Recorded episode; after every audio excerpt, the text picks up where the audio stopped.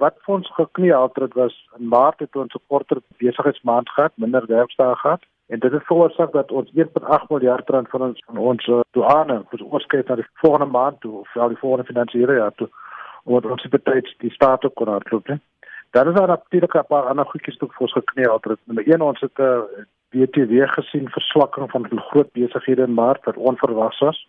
En dan is die groot een die dividende belasting het op self nie geraal van verlede jaar. Ons het weer baie sterk dividende groei gehad en ons het iets aan hierdie in een maand amper 4 miljard verloor wat nie ingekom het soos ons gedink het dit sou inkom nie. Tog wys julle syfers dat julle groeikoers baie positief lyk. Die voorafgaande 3 maande het uitstekend gekorrigeer. Ons het baie sterk groeikoerse gehad af en ons algemene jaar groeikoers het selfs gestyg tot 7% tot die einde van Februarie toe. En dit het te doen met die verbetering in sake vertroue wat natuurlik beter winsuitvoorsigte en ook voorlopige belasting gelei het vir ons Desember. Stygende kommoditeitspryse wat ons myn nou sektor vir ons goeie uitslae gegee het in Desember ook.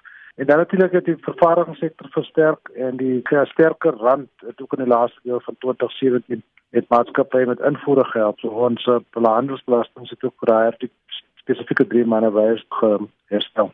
Is jy gelukkig met Suid-Afrikaners se belastingmoraliteit?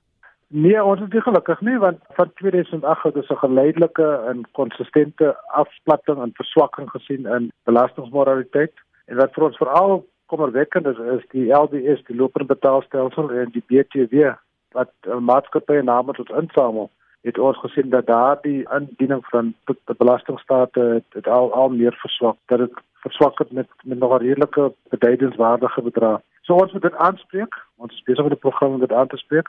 Van hierdie terughouding van belastingstaat selfs kriminele moet ons dus ook seker maak dat ons belastingbetalers verstaan dat hulle self krimineel vervolgbaar maak. Daar was tog baie politieke woelinge by SARS gewees die afgelope tyd.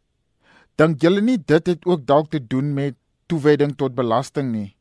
Ja natuurlik, daar's geen twyfel aan nie. Ehm uh, Belastingmoraliteit word natuurlik ondersteun deur die vertroue in belastinginstellings.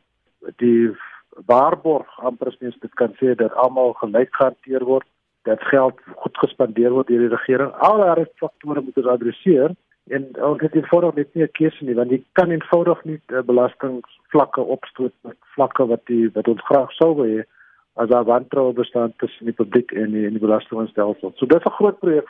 Dan ook die ander een wat ons onder oog geneem is die herbesinning van die hoëse groot maatskappye garandeer.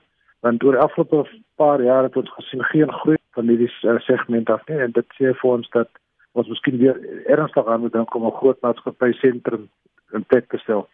En dis natuurlik die een wat jy afgeskaf het of toegemaak het. Ja, kyk, dit was toegemaak vir vir sekere redes. Uh dis dis duidelik dat dit nie werk nie en dat ons weer moet teruggaan na dit. Het jy enige spesiale fokus op die insameling van belasting van prominente persone? Ja, sekerlik. Kyk, ons het 'n uh, ooreenkomste, internasionale protokol ooreenkomste met verskeie lande en ons is dus bewus van die uh soos ons stel offshore wealth of uh rykdom wat mense oor see uh akkumuleer. En ons het al daai name in ons besit en ons het deur uh vrywillige deklarasies het ons mense gevra voor 'n dag te kom en ons het al reeds van daai program al reeds amper 3 miljoen hierdie jaar ingesamel. En dit is maar net van die 800 mense van die 2000 uh, aansoeke wat ons gekry het.